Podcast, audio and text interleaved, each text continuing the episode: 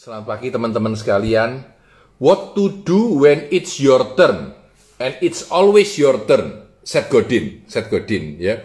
Ini review buku pada minggu pagi ini karena tadi sudah saya buat ternyata tidak terekam gitu. Jadi udah saya ulang lagi sekali gitu ya. Saya ulang lagi sekali. Jadi sebenarnya ini repeat ya, repeat ya. Nah, di belakang buku ini ada tulisan yang cukup menarik ya. Dia bilang reassurance, apakah Anda yakin it's not here and it wouldn't it wouldn't do you any good if it were. Jadi apakah Anda yakin dengan baca buku ini sukses? Enggak ya. Kalau ada Anda yakin tidak ada gunanya buku ini malahan. Opportunity, kesempatan, it's everywhere. Di mana-mana ada kesempatan ya. Uh, you have been given a turn.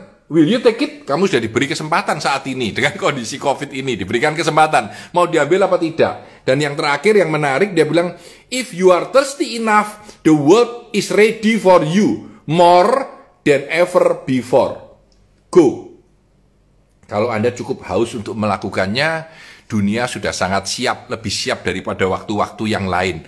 Ayo, jalanlah. Jadi buku ini What to do when it's your turn and it's always your turn dari Seth Godin bukan buku yang baru, mungkin sudah beberapa tahun, 3-4 tahun, tapi saya baru dapat ini 8 Januari lalu. Jadi saya baru baca dua hari ini, saya skip-skip, saya baca sampai habis, menurut saya bagus dan cocok untuk semangat di hari Minggu. Halo semuanya. Jadi tadi karena uh, waktu saya rekam tidak terekam, ternyata ada miss jadi saya repeat lagi sekali ya. Teman-teman, broken escalator teori, broken escalator teori. Jadi, ini ada di videonya ya, di mana orang itu naik eskalator. Jadi naik eskalator seperti ini, naik eskalator, tret, yang tinggi, panjang. Tiba-tiba macet di tengah. Nah, ketika macet di tengah, apa yang Anda lakukan? Nah, ini menarik ya ternyata ada dua eksekutif yang diem aja dan bingung, ya bingung. Mau apa ya saya? Mau jalan atau mau terus atau tidak? Dan diem di sana. Nah ini yang ditakutkan orang. Karena kita pada masa krisis ini macet ya bingung ya. Lalu anda diem. Padahal anda punya kesempatan untuk jalan naik ke atas atau balik ke bawah. Terserah anda. Tapi anda punya kesempatan untuk melakukan sesuatu. Dan itu adalah hak anda ya. The opportunity is freedom Nah, the problem freedom ya. Freedom is our problem and freedom is our opportunity ya. Freedom itu adalah kesempatan kita dan freedom itu adalah kesulitan kita. Liberate yourself from the need to be right ya. Bebaskan dari diri Anda dari kebutuhan untuk harus menjadi benar karena benar itu tidak mesti baik atau bisa tapi Anda kalau tidak melakukan sesuatu, Anda akan celaka. Freedom and change. Jadi mau tidak mau freedom itu memberikan kesempatan kepada Anda untuk berubah dengan drastis. Untuk berubah dengan drastis ya. Nah, saya pernah naik ini, namanya Cyclone ya, di Amerika. Roller coaster namanya Cyclone. Salah satu roller coaster yang terhebat uh, di dunia ya, namanya Cyclone ya. Nah, dia bilang kenapa orang mau naik roller coaster ya? Orang naik roller coaster itu karena roller coaster itu memberikan ketakutan yang nyata, tapi pada saat yang bersamaan memberikan jaminan bahwa Anda tidak akan celaka karena sudah dites mesinnya. Jadi roller coaster itu adalah kombinasi antara sebuah ketakutan dan sebuah kesempatan. Kita harus siap untuk itu karena kita tidak bisa hanya selalu mengharapkan sebuah kepastian saja. Harus ada yang kita takuti bahwa bisa saja terjadi sesuatu yang tidak pas dengan apa yang kita harapkan. Nah itu itu itu e, menurut saya cukup menarik ya. Ini beberapa tanda tadi sudah saya hilangkan. Saya cari dulu ya. Nah ini dulu ya. Dia sebut uh, the person who fail the most win. Orang yang sering gagal justru adalah orang yang baik gitu, yang menang ya. Grow up, ayo tumbuh, tumbuh ya. Grow up, grow up. It's time for you to grow up. Apalagi di masa pandemi yang sangat susah ini ya. Eh, nah, tentu banyak orang yang bilang, tapi kenapa kamu mau merasa sengsara kalau harus mencoba sesuatu yang kemungkinan besarnya gagal? Justru itu yang membedakan kita antara seorang pemenang dan seorang pecundang. Kalau seorang pemenang, dia selalu siap untuk menghadapi kekalahan itu. Karena kekalahan itu merupakan bagian dari sebuah sukses besar. Kalau kita tidak kalah, kalau kita tidak sengsara, kalau kita tidak e, menjadi ketakutan atau kita gagal, maka sulit buat kita untuk menjadi sukses. Nah, e, seperti biasa saya suka Seth Godin ini kuat dengan story-storynya. Salah satu yang saya suka itu ceritanya itu ini disebut Pythagoras and the Fifth Hammer. Hammer itu e, palu ya. Jadi satu kali Pitagoras ini e, mendengar katanya di satu tempat itu ada pe, ma, pemukul pe, pembuat besi. Jadi kalau orang buat pedang, buat alat itu pakai besi ya. Dong dong dong dong di mana lima orang yang bikin besi itu. Dan katanya orang kalau datang ke sana selalu terkesima dan terpukau melihat mereka kerja. Maka Pitagoras yang ahli dengan matematika itu melihat. Waktu dia melihat dia kagum banget orang-orang pada ngeliatin mereka tang dung dung tang ding dung dung dung dung dung dung dung dong ding dong dung. Wah dia heran ini kuagum banget ya. Karena dia ahli matematika dia bilang aku akan hitung. Kenapa kok matemat kok secara matematis hal ini menjadi harmonis yang luar biasa maka dia kasih uang kepada lima pemain, pemain apa pemukul besi itu dan dia pinjem kelima palunya. Dia bawa pulang. Dikasih tanda ini palu nomor satu nomor dua nomor tiga nomor empat nomor lima. Dan dia cobain semua. Dan ketika dia toto dia baru tahu oh, ternyata palu ini karena berat besi dan kondisinya itu memberikan nada suara yang pas dengan ini, dengan ini, sehingga empat yang pertama, nomor satu, dua, tiga, empat, itu membuat harmoni yang bagus. Yang dia heran, palu yang nomor 5. Karena palu yang nomor 5 itu adalah palu yang aneh. Ya, unik, nadanya nyeleneh gitu. Bahkan kalau dipukul dari sini nyalain di sebelah sana lain. Apa yang terjadi? Orang ini bingung, kenapa kok ada palu ini? Empat ini saja, katanya Pitagoras, akan menimbulkan musik yang enak, yang harmonis. Tapi ditambah yang nomor lima, malah jadi memukau luar biasa. Nah, ini yang disebut the fifth hammer, palu yang nomor lima. Dia bilang bahwa dengan Seth Godin bilang bahwa empat itu harmonis, bagus, tapi ditambahi kelima yang unik, yang luar biasa, yang beda dengan orang lain menjadi luar biasa hebatnya. Kita harus menjadi palu yang kelima, yaitu palu yang unik, yang beda, yang nyeleneh ya, justru yang membuat seluruh grup kita menjadi sukses besar karena palu kita yang berbeda ya ini. Dia bilang palu yang kelima tidak memberikan beauty dan magic untuk fitting in, untuk cocok dengan yang lain. Tapi palu yang kelima membuat semuanya menjadi berbeda dan menjadi itu menjadi standing out. Nah ini dia tunjukkan pemusik. Dia cerita tentang empat pemusik yaitu Crosby, Steele, Nash, dan Young. Dia bilang Neil Young itu suaranya nyeleneh, kadang-kadang malah nggak enak. Tapi justru karena ada yang nyeleneh itu, makanya menjadi sukses hebat gitu. Itu, itu ceritanya ya. Nah ini yang menarik menurut saya. Jadi karena kita tidak pernah tahu mana yang benar dan mana yang tidak. Mana yang membawa kita pada sukses dan mana yang tidak yang harmonis itu selalu bisa membawa kita pada status yang oke, okay, tapi susah membuat kita kepada status yang hebat luar biasa. Itu catatannya ya. Nah, uh, yang paling umum itu adalah orang itu takut gagal ya, feel of failure ya. Fail of failure ya, fear of failure.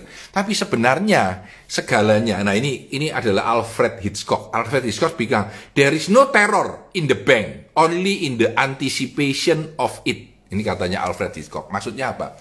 Kalau bikin cerita horor, tembakan matinya der itu sendiri ndak ndak ndak ndak ndak hebat atau gimana, tapi menunggunya cerita yang dibuat itu yang membangun uh, kehidupan kita. Nah, di dalam kita ketika melakukan sesuatu juga begitu. Kegagalan itu tidak apa-apa, kita cukup umum dan bisa menerima. Tapi ketakutan akan kegagalan itu yang membuat kita menjadi tidak mau gitu. Ini ini ini ini menarik menurut saya ya. Nah, menjadi aneh itu kadang-kadang atau ada kesempatan aneh orang tuh tidak mau. Ini ada cerita tentang 5 dolar bill ya. Kamu coba uang 100 ribu, uang 100 ribu kamu pegang ya. Lalu kamu pergilah ke uh, stasiun kereta api, lalu bawa 100 ribunya, deketin orang dan bilang, Pak, Pak, Pak, aku mau tukar Pak 100 ribu ini dengan 10 ribuannya Bapak. Saya tukarin Bapak 100 ribu dengan uang 10 ribu. Ayo, cobaan lima kali, nggak ada satupun yang akan mau. Mereka kalau nggak lari terbirit-birit, bilang, nggak, nggak, nggak, maaf, nggak ada. Atau meninggalkan Anda. Jarang orang mau. Kenapa? Karena kesempatan itu terlihat nyeleneh, aneh, unik gitu ya. Kamu nggak mau ambil gitu. Saya sering lakukan ini di seminar saya dulu ya. Saya pegang uang 100 ribu, saya taruh di atas. Siapa yang mau uang ini? Siapa yang mau uang ini? Ya, ada yang diam aja. Sampai lama diam. Ada satu angkat tangan, diam. Saya teruskan aja. Ada dua yang angkat tangan, tiga yang angkat tangan. Jarang ada yang mau berdiri, datang, bilang terima kasih, dan mengambil uang itu. Kenapa? Karena keadaan itu kontradiktif terhadap norma yang dia anut. Kalau norma yang dia anut itu sama dengan keadaan, dia ikut. Kalau tidak, dia merasa aneh. Padahal pada kesempatan di mana norma itu tidak normal, itulah timbul kesempatan hebat dan timbul sebuah ke apa namanya kekuatan Anda untuk menjadi sangat beda dan unik di dalam situasi itu ya. Oke, kembali tulisannya adalah what to do when it's your turn and it's always your turn dari Seth Godin, dari Seth Godin. Nah, ini menarik ya. Dia bilang ketakutan, fear is the mind killer. Ini membunuh otak kita. Fear is the little death, kematian-kematian kecil. For bring uh, that brings total obliteration. Jadi yang membuat kita gagal dan tidak mau itu karena ketakutan-ketakutan kita. Karena setiap ketakutan itu adalah kematian kecil. Ya, dia harus kita harus bilang, I will permit the fear to pass over me and through me. Saya harus biarkan ketakutan itu jalan dan menerobos dan melewati diri saya. Bukan berarti kita tidak boleh takut, kita harus takut dan tetap melakukan itu. Nah, ini dia bilang kalimat berikutnya. And when it has gone past, I will turn the inner eye to see its path. Where the fear has gone, there will be nothing. Only I will remain. Menarik kalimat ini, menarik kalimat ini ya. Dari Frank Herbert. Dia bilang, dan kalau aku sudah melewati ketakutan itu, akan aku lihat ketakutan itu. Dan di situlah ada diriku yang sejati. Dan di situlah saya akan berada dan melakukan yang terbaik yang bisa saya lakukan. Nah, teman-teman sekalian, terutama di masa pandemi ini selalu banyak ketakutan kita. Wah, nanti kalau jalannya apa, kalau ini gimana? Ini ini ada sebuah cerita yang menarik ya. It's always too soon. Selalu lebih cepat dari seharusnya. Kalau Anda tahu Gutenberg, Gutenberg ini yang bikin percetakan. Adanya buku ini karena Gutenberg ya, percetakan buku ya itu ketika pertama kali bikin cetakan itu selalu diketawain orang. Kenapa? Karena pada saat itu 95% rakyat itu nggak bisa baca. Yang bisa baca cuma sedikit banget. ya. Lalu yang kedua, tidak ada market untuk buku. Tidak ada orang yang bisa baca. Tapi dia ngotot. Dan dia bilang, gua mau bikin cetakan. Dan kalau tidak ada Gutenberg, kita semua nggak pernah baca buku. Bayangkan ya, begitu pentingnya. Padahal dimulai dengan sebuah ketakutan dan sebuah pandangan dari orang lain. Jangan terlalu pagi, jangan terlalu pagi. Belum belum waktunya, belum waktunya. Selalu belum waktunya. Ya karena itu Anda harus jalan. Dan cerita yang kedua, dia bilang namanya Karl Benz, K A R L B E N Z. Karl Benz ini waktu di Jerman itu mau bikin pabrik mobil, padahal di Jerman tuh mobil tidak boleh jalan gitu, ya. Bahkan jalanan tuh tidak ada yang bisa untuk mobil. Tapi Karl Benz bilang, ayo bikin gitu ya. Dan dia memaksakan diri untuk bikin mobil. Dan itu pun harus minta izin pemerintah, harus segala macam. Tapi Anda tahu, akhirnya Benz, Mercedes-Benz itu jadi mobil courage. Sampai kita selalu bisa dan mau, walaupun sering juga kita akan mengalami kegagalan-kegagalan dalam ketika kita melakukan hal itu ya. Nah ini, ini ada orang sukses yang memberikan jawaban yang keren menurut saya. Ya, kalimat ini, yang hijau ini ya. The miracle isn't that I finished. The miracle is that I had the courage to start. Bulu kuduk saya berdiri. Orang sukses itu selalu bilang, bukannya aku merasa uh, keajaiban itu karena aku bisa menyelesaikan ini. Keajaiban itu terjadi karena aku mau mulai gitu loh. Padahal aku tahu tantangan dimulai itu begitu berat, begitu susah. Ya. Lalu orang selalu bilang, ya one day I will be ready. Ya, satu hari nanti aku siap. Pak bikin buku nanti dulu Pak belum Pak nantilah satu hari aku akan siap membuat buku. Ayo bikin IGTV belum Pak belum nanti dulu nanti suatu hari aku akan siap untuk melakukan itu ya. Uh, we have to dance with the fear kita harus berdansa dengan ketakutan yang ada karena itu adalah bagian dari kehidupan kita. Kalau tidak kita akan kesulitan ya. Jadi kita mau tidak mau harus berani ya. Kita harus apa sih? Avoid certainty. Jadi menghindari ketidakpastian, tidak menghindari kepastian. Segalanya yang tidak pasti justru akan kuat gitu ya. Avoid certainty. Pick yourself. Pilihlah diri Anda sendiri. Postpone gratification.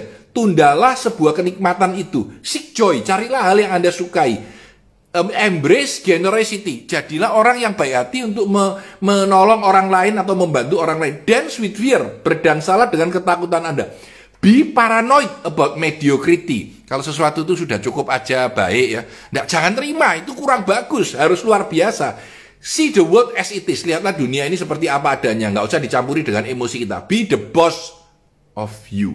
Be the boss of you. Jadilah bos diri Anda sendiri, teman-teman sekalian. Pada zaman ini ketika kita mau tidak mau sudah harus menghadapi kehidupan yang berbeda. Ketika Eh, pandemi sedang berjalan, kita masih punya setahun waktu. Apakah Anda tidak mau kuliah lagi ngambil S2? Apakah Anda tidak mau ngambil training yang ada di Belanda dan mahal? Apakah Anda tidak mau untuk uh, mengambil kursus di Singapura secara online? Banyak sekali kekuatan dan hal yang ada dari diri Anda yang bisa Anda manfaatkan. Dan jangan bilang, ya satu kali nanti saya akan ambil. Karena apa? Karena the internet, the internet means you can learn anything you want. Berarti kamu bisa belajar apa pun di internet. If you are thirsty enough to do the work to learn it. Kalau kamu cukup lapar, dahaga untuk mau melakukannya. Ya, yeah. we don't need badges. Kita tidak butuh badge atau tanda pengenal. Bukunya namanya What to Do When It's Your Turn and It's Always Your Turn dari Seth Godin. Ini agak sedikit kayak buku uh, coffee table ya, jadi bisa dibaca sepotong-sepotong, cukup enak, memberi semangat ya. Saya ingin cerita tentang You Don't Need the Badges, You Don't Need the Badges ya. Saya dulu waktu kuliah, uh, saya pernah ngajarin orang-orang bagaimana kalau kita bikin kampus kuliah tentang entrepreneurship, kita ajari entrepreneurship ya Eh, kampus lulus S1 ketika lulus S1 dapat ijazah S1 dan di depan ditaruh sebuah tungku atau sebuah uh, apa drum gitu dan dikasih api dan siapa yang berani membakar ser, apa ijazah Anda. Nah, itu akan jadi entrepreneur ya. Saya waktu lulus S1 uh, civil engineering di Taiwan, saya lupa di mana sertifikat ijazah saya. Saya tidak pernah mengirimkan lamaran kerja. Saya langsung pulang, saya tahu saya akan kerja sendiri. Karena itu ya sudah, saya kerja sendiri ya. Begitu saya kerja sendiri ya saya tidak butuh sertifikat atau ijazah itu. Sampai hari ini saya nggak tahu ijazah saya di mana. Sungguhan ini, saya nggak tahu ijazah S1 saya di mana. Sampai ketika 15 tahun lalu saya mau ngambil S2, ditanyain, dimintain ijazah S1. Waduh, nggak ada, gimana? Saya tanya teman saya, apa kalau nggak punya ijazah? Akhirnya saya minta ke kampus, tahu kan tahun saya masuk kapan, tahun lulus saya kapan, nama dan lain-lain datanya di departemen mana, dikirimin saya sertifikatnya. Dan itu saya pakai sebagai bukti dari kampus. Dan boleh ya, karena memang benar saya lulus dari sana. Tapi menurut saya, Don't think about the badges. Jangan mikirkan aku sertifikatnya apa. Pernah sertifikasi tentang strategi planning, pernah sertifikasi tentang coaching, pernah sertifikasi. So what? So what? Ya. Kalau Anda melakukan yang terbaik, orang akan lagi datang kepada kita untuk melakukannya. Ya, jadi tergantung dari kita mau apa. Kalau Anda butuhkan ijazah itu oke. Okay. Ya, Anda mau ngambil S3, Anda mau ngambil S2, dan Anda butuhkan S3 itu untuk mengajar orang S2, ya oke okay, diambil gitu. Tapi kalau Anda mau jadi entrepreneur, ya ijazah mau jadi entrepreneur, ya buat apa ijazah Anda? Ya, Sampai hari ini pun saya nggak tahu jasa saya di mana. Jasa S1 saya ya. Jasa S2 saya sekarang dipasang sama anak-anak di di kampus eh, di kantor ya. Sudah cukup lah ada itu menurut saya ya. Jadi kita itu harus hati-hati ya. Dia bilang the illusion of safety. Ilusi kita kalau dalam dunia safety, padahal tidak ya. Kita justru kalau safe itu berbahaya karena kita tahu tidak tahu tahu-tahu mati dengan sendirinya. Justru ketika kita berbahaya, attention kita naik, pikiran kita naik ya kemampuan kita naik untuk mau bekerja dengan lebih keras ya. Jadi uh, buku ini adalah buku Seth Godin ya. Apa yang akan Anda lakukan kalau sudah waktunya giliran Anda? Padahal ini selalu adalah kesempatan dan giliran Anda ya. Teman-teman sekalian, terima kasih sudah mendengarkan. Ini review buku yang sama yang kedua di hari ini. Karena tadi pagi saya ke kantor, saya review, waktu saya rekam kayaknya salah swab atau apa, lalu hilang ternyata rekamannya. Jadi ya sudah, saya bikin lagi. Saya Tanah di Santoso, sukses selalu untuk Anda. Terima kasih teman-teman sekalian yang sudah ikut dalam acara kali ini.